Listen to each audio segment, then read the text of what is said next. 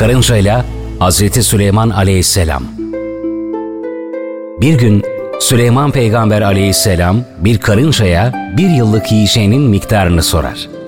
Karınca da Bir buğday tanesi yerim. diye cevap verir. Cevabın doğru olup olmadığını kontrol etmek isteyen Süleyman Peygamber aleyhisselam karıncayı bir şişeye koyar. Yanına da buğday tanesi koyarak hava alacak şekilde şişeyi kapatır. Ondan sonra bir yıl bekler.